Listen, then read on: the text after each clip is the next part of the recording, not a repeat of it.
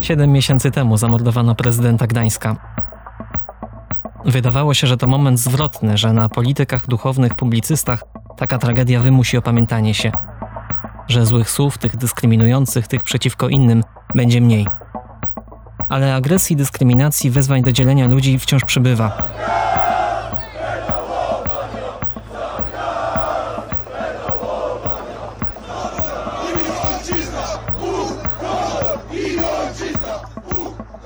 Dwa lata temu profesor Bogdan de Barbaro, psychiatra i psychoterapeuta, powiedział tygodnikowi, że czuje się w Polsce jak pasażer pojazdu, który pędzi bez hamulców. Dziś odwiedzamy go w jego gabinecie w krakowskiej klinice i pytamy, dlaczego ten pojazd wciąż nabiera prędkości. To podcast powszechny. Zaprasza Marcin Żyła. Podcast powszechny. Weź, słuchaj. Panie profesorze, spotykaliśmy się już w ciągu ostatnich paru lat kilka razy i prawie zawsze wtedy, kiedy brutalizacja życia publicznego w Polsce wskakiwała na kolejny poziom, przekraczaliśmy kolejne etapy. Rozmawialiśmy y, po Smoleńsku, rozmawialiśmy ostatnio dwa lata temu po tym, gdy Jarosław Kaczyński mówił o mordach zdradzieckich w Sejmie. A ja znów y, dzisiaj, kilka dni po tym, kiedy podczas Marszu Równości w Stoku doszło właściwie do zamieszek, parę dni po tym, kiedy arcybiskup krakowski Marek Jędraszewski mówił o y, tęczowej zarazie, nie mogę się powstrzymać przed zadaniem panu tego banalnego dziennikarskiego pytania, co pan czuł i co pan czuje, słysząc takie słowa i widząc być może tych słów efekty? Czułem zawstydzenie, że, że to jest arcypasterz, aż słowo pasterz tworzy znak zapytania. Czułem gniew, czułem e, żal, że, że ten pojazd, który E, jest na równi pochyłej, ma kolejne przyspieszenie. To jest dla mnie taka, e, taki zwiastun katastrofy nadchodzącej. Nie wiem, na czym ona ma polegać, ale w każdym razie wtedy, kiedy, kiedy ktoś, kto ma głosić pokój, miłość, miłosierdzie, szczuje, bo nie mogę tego inaczej nazwać, no to, to jakiś, jak powiedziałem, wstyd z gniewem pomieszany.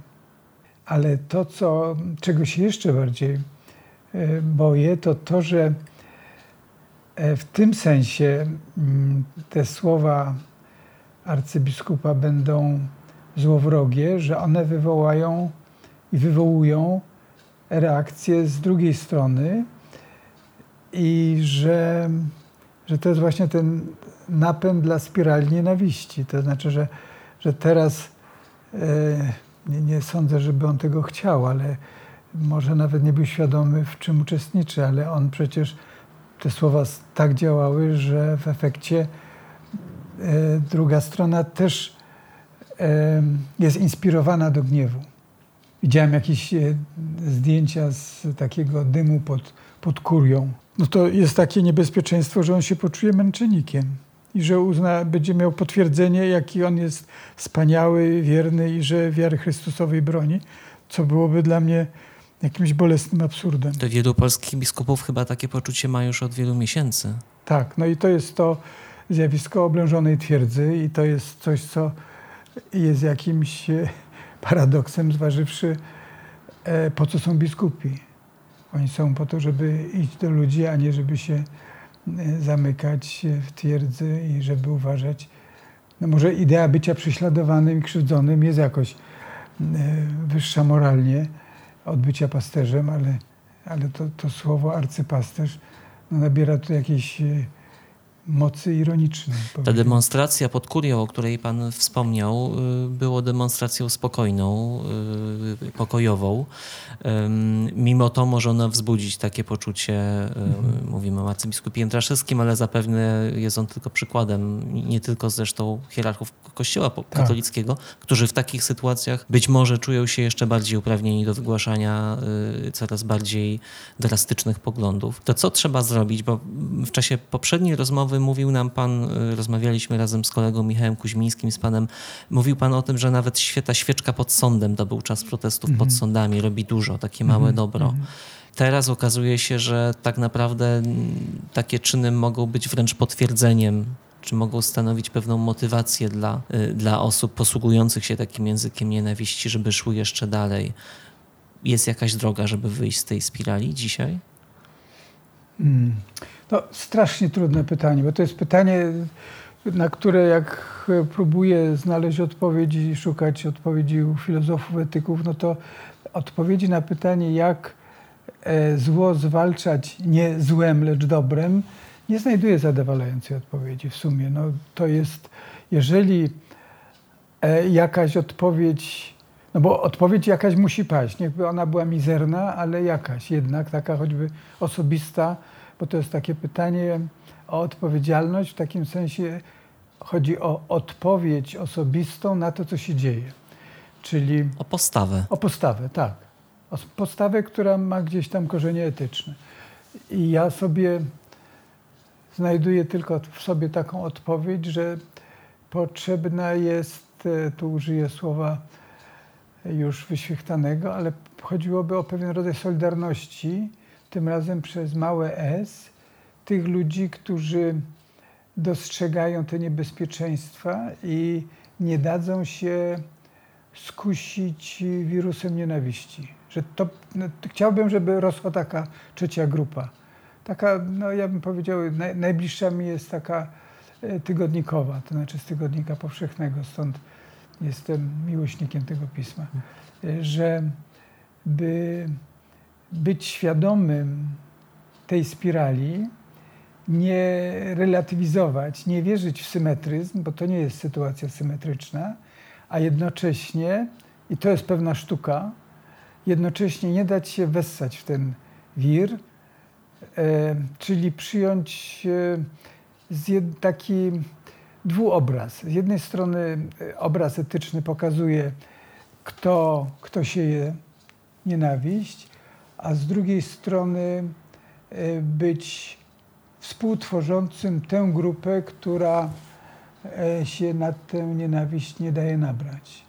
To jest trochę podobne, sytuacja w psychoterapii jest trochę podobna, że jak przychodzi pacjent albo przychodzi para małżeńska, gdzie jeden jest przemocowy, a drugi jest ofiarą przemocy, to z jednej strony widzimy ten kontekst etyczny, ale nie zajmujemy się napadaniem na tego, kto jest zły, ani wspieraniem może wspieraniem tego, kto jest słaby, ale w gruncie rzeczy badamy ten mechanizm po to, żeby pomóc im wyjść z tego, z tej spirali nienawiści. To jest trochę taka psychologia y, społeczna non-violence. To jest tak. coś w rodzaju tak. Gandiego 2019.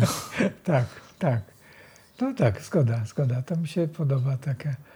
To non-violence jest, no, jakby nie było, są takie miejsca, gdzie, gdzie zwyciężyła ta, ta ideologia, nazwijmy to, chociaż zdaje się słowo ideologia już jest tak ideologiczne, że nie powinno być używane.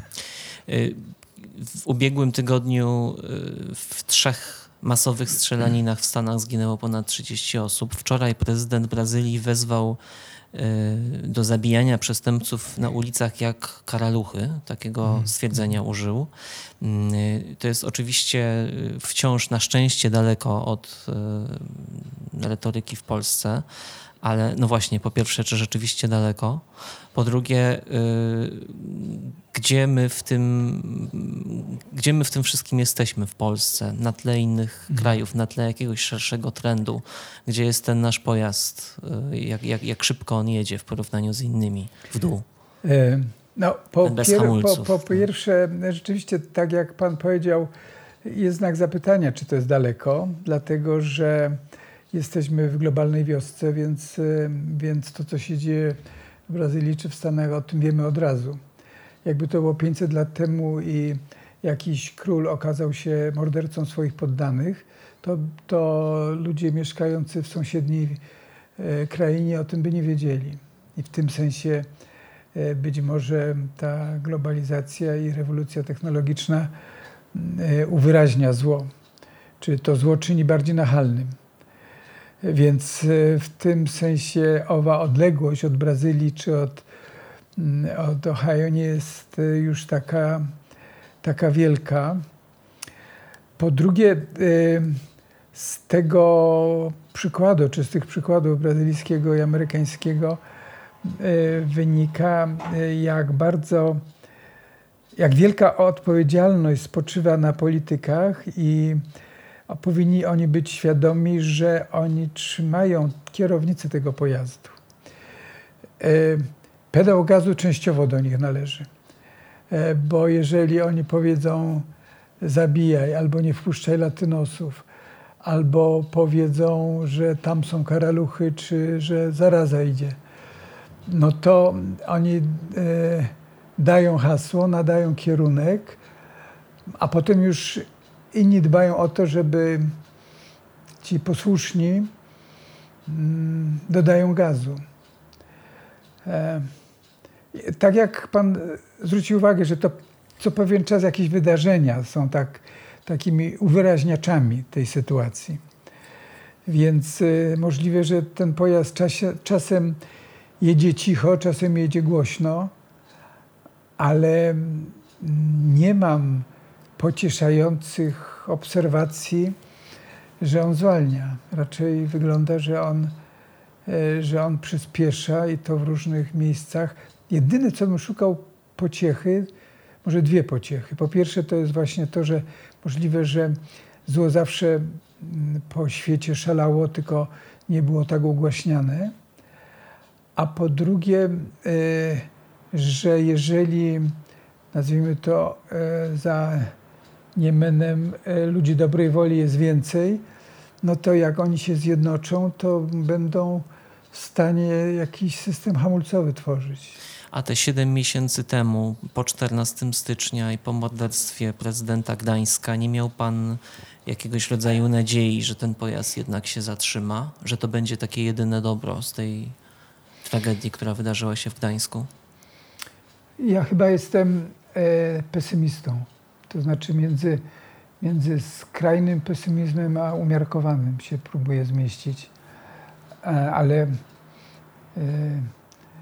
nie, nie miałem, e, zwłaszcza patrząc na to, jakie były reakcje na, na to zabójstwo, co politycy zrobili z tym, co hejtownicy z tym zrobili, to są takie doraźne otrzeźwienia, które ustępują, bo te moce wrogości są silniejsze.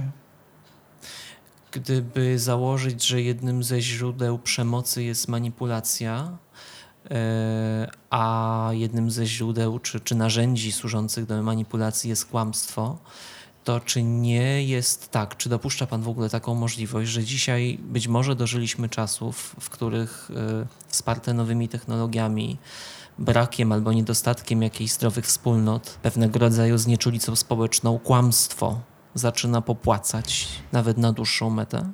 Tak, tak. Jestem, jestem e, przekonany, że to jest jedno e, z takich e, poważniejszych niebezpieczeństw. W ogóle myślę sobie tak w tej sprawie, że ta relatywizacja prawdy w pewnym obszarze ma swoje, czy może mieć pewne dobre skutki. Mianowicie, gdy mówimy o prawdzie emocjonalnej, gdy mówimy o prawdzie międzyludzkiej, to wielowersyjność ma swój sens. I e, znowu, jako psychoterapeuta wierzę, że rozmowa dwóch ludzi e, mających swoje odrębne wersje, nazywane przez nich samych prawdami, e, że to może być twórcze, konstruktywne, wzbogacające wzajemnie. Natomiast kiedy na przykład pojawia się taka wersja, jakoby prawda, a w gruncie rzeczy kłamstwo, że lepiej nie szczepić dziecka, albo Patrząc na to samo zdjęcie z inauguracji prezydentury Trumpa, pojawia się kategoria prawdy alternatywnej. No to e, coś, co jest takim zupełnie fundamentalnym drogowskazem w życiu, odróżnianie między prawdą a fałszem, zaciera się, traci swoją moc. To jest to absolutnie katastrofa.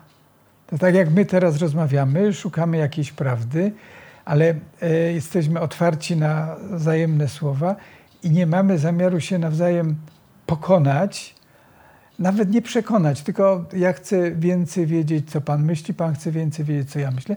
I to jest e, jakoś wzbogacające. Natomiast gdybym miał Pana pokonywać, albo Pan miałby mnie pokonywać, no to wtedy sięga się po y, słowa oszukańcze. No a to, i to się dzieje w polityce. No. Y, znowu historiozofów by należało zapytać, czy to nie było tak zawsze.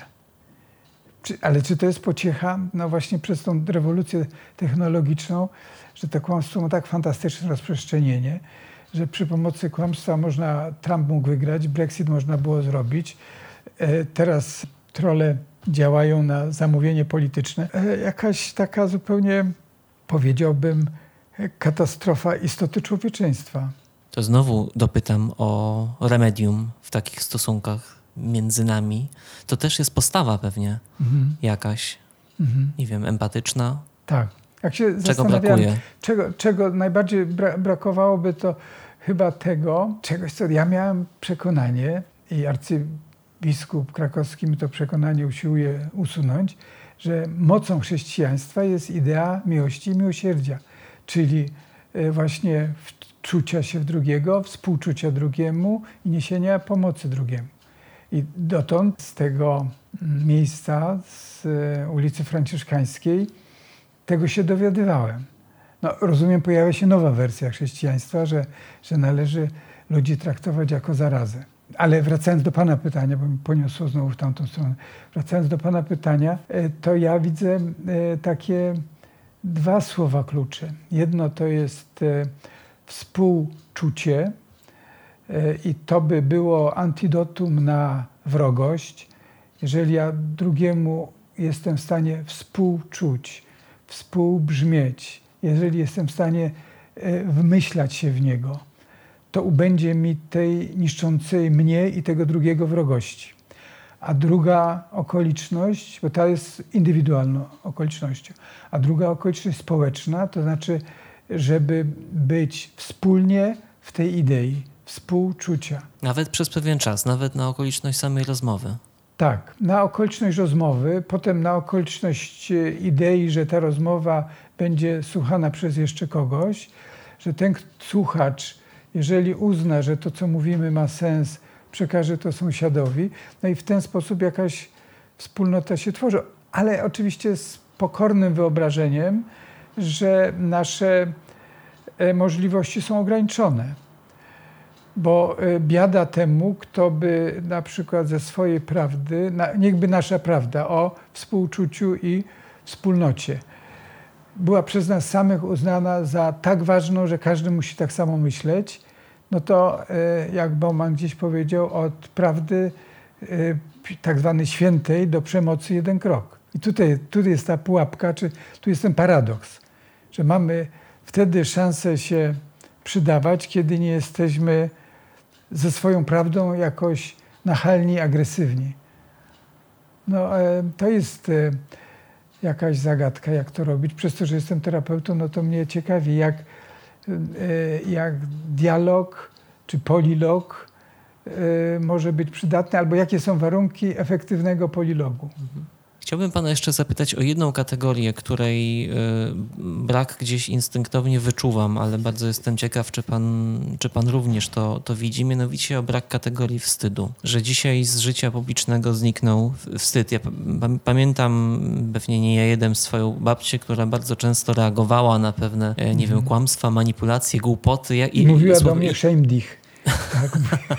Ja tego nie rozumiałem, ale wiedziałem, że coś złego się dzieje. Tak, tak, tak. Do mnie mówiła, jak oni nie mają wstydu. Aha, aha. Dzisiaj tego wstydu rzeczywiście chyba, no, kiedy patrzę, słucham prezenterów, prezenterek wiadomości, kiedy oglądam konferencję marszałka Sejmu w sprawie, mm, w tak. sprawie tych lotów, y, no to tak jakby tego zupełnie nie było i jakby zniknęła kolejna taka, być może jedna z ważniejszych bramek uniemożliwiających yy, bezczelne kłamstwa. Tak, to, to jest y, oczywiście y, temat olbrzymi. Właśnie czytam książkę na temat wstydu w psychoterapii. To jest y, bardzo ważna, ważna sprawa. I można powiedzieć tak, jak on się nie wstydzi tak mówić. Pociecha jest, pytanie jest, czy jak on rano się goli, albo jak ona rano sobie przyrządza rzęsy i patrzy w lustro, to czy widzi jakiś kłopot z samym sobą, czy nie? No i jedni są tacy, co widzą, drudzy nie. Ale y, dla mnie takim wyznacznikiem jest taki mentalny eksperyment. Wyobraźmy sobie, że jesteś już speakerze, speakerko w takim wieku emerytalnym. Podchodzi do ciebie twój wnuk i pyta ciebie, jak, to, jak ty to zrobiłeś? Jak ty mogłeś tak, widząc, że jest inaczej, mówiłeś inaczej, co ty czułeś wtedy? Więc ja bym sobie wyobrażał jako taką terapię, jeżeli by uznać wstyd za coś dającego szansę. Takie eksperymentalne. Wyobraź sobie, że jesteś na emeryturze, przychodzi do ciebie twój wnuk albo wnuczka i z tobą rozmawia o twojej przeszłości i pyta cię, coś ty wtedy robił, jak się wtedy czułeś. No więc y, taki eksperymentalny, jeżeli by mnie y, któryś ze speakerów TVP1, tak się zdaje się nazywa ta instytucja, zapytał, co robić. Panie doktorze, nie wiem, co robić, żadne boskie, bo czasami mam takie sny koszmarne. No to bym taką, troszkę żartem mówimy, wolno, nie?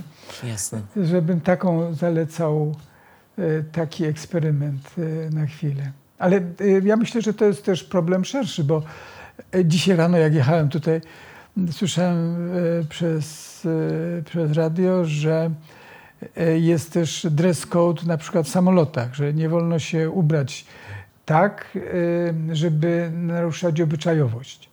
Nie, na przykład te spodenki nie mogą być zbyt obcisłe u mężczyzn, a E, t-shirty u kobiet jakoś zbyt obnażające. Czyli ta idea wstydu, ona ma różne warstwy. Można się nie wstydzić kłamstwa, można się nie wstydzić, e, czy przekraczać pewne normy obyczajowe. Ja mogę powiedzieć też, że jak patrzę na marsze tęczowe, to e, sobie wyobrażam, że część zwolenników otwartości, jest utraconych przez to, że te marsze zawierają pewną ostentację obyczajową i w ten sposób dokonuje się ataku na tych, nazwijmy to tak, używając tradycyjnego staro, staropolskiego słowa, tych skromnych tracimy wtedy. I szkoda, niepotrzebnie, bo to są ci ludzie, którzy mają pewne pewną otwartość sobie. Ich jest dużo też. Ich jest dużo i prawdopodobnie nawet większość. I oni, e, mówiąc znowu takim słowem, troszkę zmieniam ten wątek, ale może on się nam przyda do rozmowy. E, oni się gorszą. To słowo gorszyć się tutaj ma, ma swój sens. No to po co drugiego gorszyć? Czyli czynić gorszym. No i też wprowadzać w sytuację niekomfortową. Tak, bo on wtedy w sobie ma, ma właśnie to y, shame dich i odrzuca kogoś, kogo by na pewno nie chciał odrzucić. Taki jest człowiek spokojny, który ma w sobie życzliwość wstępną. Jak y, zobaczy coś, co jest na przykład wulgarne, słowo wulgarne oznacza takie pospolite, niskie, no to możliwe, że ci, którzy są w stresie mniejszościowym, potrzebują pewnej ostentacji. I na początku możliwe, że to jest niezbędne, żeby zdobyć takie miejsce sobie. Ale na dłuższą metę, jeżeli by nam zależało na tym, żebyśmy e, trwali w dobrze rozumianej kulturze Zachodu, żeby nas nie ześlizgnęło na wschód, to lepiej by było szanować tych, których łatwo zgorszyć. Powstrzymywać się też trochę, tak? Tak, brać ich pod uwagę, mhm. bo przecież, przecież taka agresywność obyczajowa też jest znakiem e, braku empatii, o której mówiliśmy przed chwilą. To są ci, co się gorszą, co, których łatwo zgorszyć, no to e, zasługują na szacunek. To na koniec, jeszcze wracając do tej kategorii wstydu, y, jest, jest jeszcze jeden jej wymiar, to znaczy wstydzimy się często za to, co robią politycy, co mhm. słyszymy jak gdyby z zewnątrz, w sferze publicznej. Wstydzimy się trochę za, y, za swój kraj. Nie w sensie wspólnoty, ale w sensie takim instytucjonalno-reprezentacyjnym, tak bym powiedział. Stąd jest oczywiście krok do obarczania Polski, polskości. Winą już za mhm. wszystko. To też jest taka dość widoczna strategia. Jak to jest właściwie moje ostatnie pytanie do pana profesora? Jak się w tym wszystkim odnaleźć ze spokojem? Jak utrzymać swoją tożsamość, jak kochać w dalszym ciągu swój kraj i swoje państwo, które przecież na wielu poziomach, także instytucjonalnych, jest całkiem okej, okay, mhm. całkiem, całkiem w porządku funkcjonuje, a równocześnie nie stracić tej tożsamości i, i, i, znać te granice, wiedzieć, gdzie powiedzieć nie, żeby, żeby ta fala przemocy się nie przebrała. Ja myślę, że to jest bardzo ważny problem. W sobie znajduję taką odpowiedź, że są y, możliwe dwie perspektywy, dwa spojrzenia. Jedno spojrzenie to jest takie, które potrzebuje odróżnienia czarnego od białego. I wtedy dochodzi do takiej polaryzacji. Na przykład widzimy, że Polacy to są dumni, bohaterscy i fantastyczni. A druga wersja to, że Polacy to jest e, świat ludzi beznadziejnych. I to jest taki obraz zero-jedynkowy. Natomiast sposobem na takie, chciałoby się powiedzieć, dziecięce uproszczenie jest dbanie o widzenie złożoności świata. To znaczy, żeby nie dać się skusić w tą polaryzację Polacy bohaterzy versus Polacy bylejacy, tylko dostrzec taką złożoność, że w każdym z nas i w każdym społeczeństwie, i w każdym narodzie są cienie i są blaski, są piękne chwile i są podłe chwile, że mamy e, jakieś zwycięstwa, mamy okrągły stół 89 i mamy jedwabne.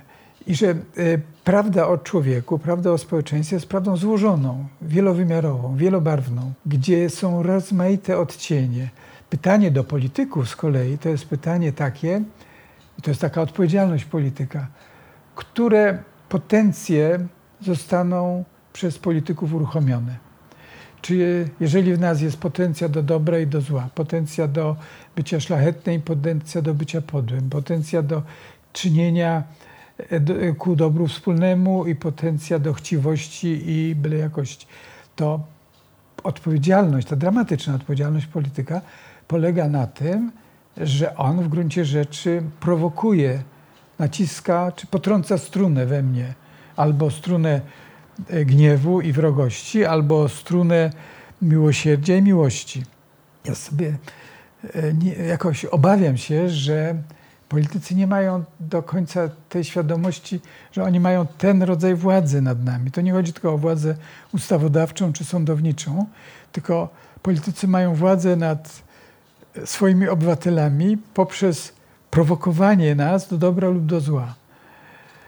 I w tym sensie jeżeli będziemy świadomi tej złożoności rzeczywistości, że Polacy są rozmaici i że w każdym z nas jest ta rozmaitość, no to jest szansa, że się obronimy przed taką zero-jedynkowością.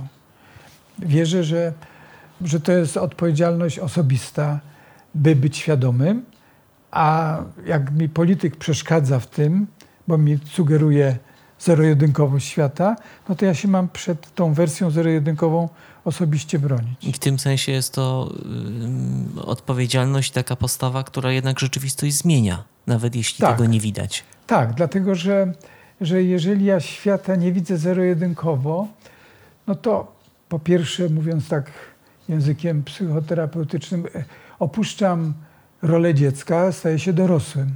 Moje spojrzenie będzie dorosłe wtedy, kiedy widzę ową złożoność a poza tym z tej dorosłości może wynikać dojrzałość zachowań. Albo będę reaktywny na hasło, albo będę uciekał lub będę gonił, albo będę refleksyjny i w związku z tym, że będę refleksyjny, no to będę w stanie świat widzieć bardziej złożonym i zachowywać się bardziej odpowiedzialnie. Weź, słuchaj, czyli podcast powszechny. Muzyka Kevin MacLeod, Incompetech.com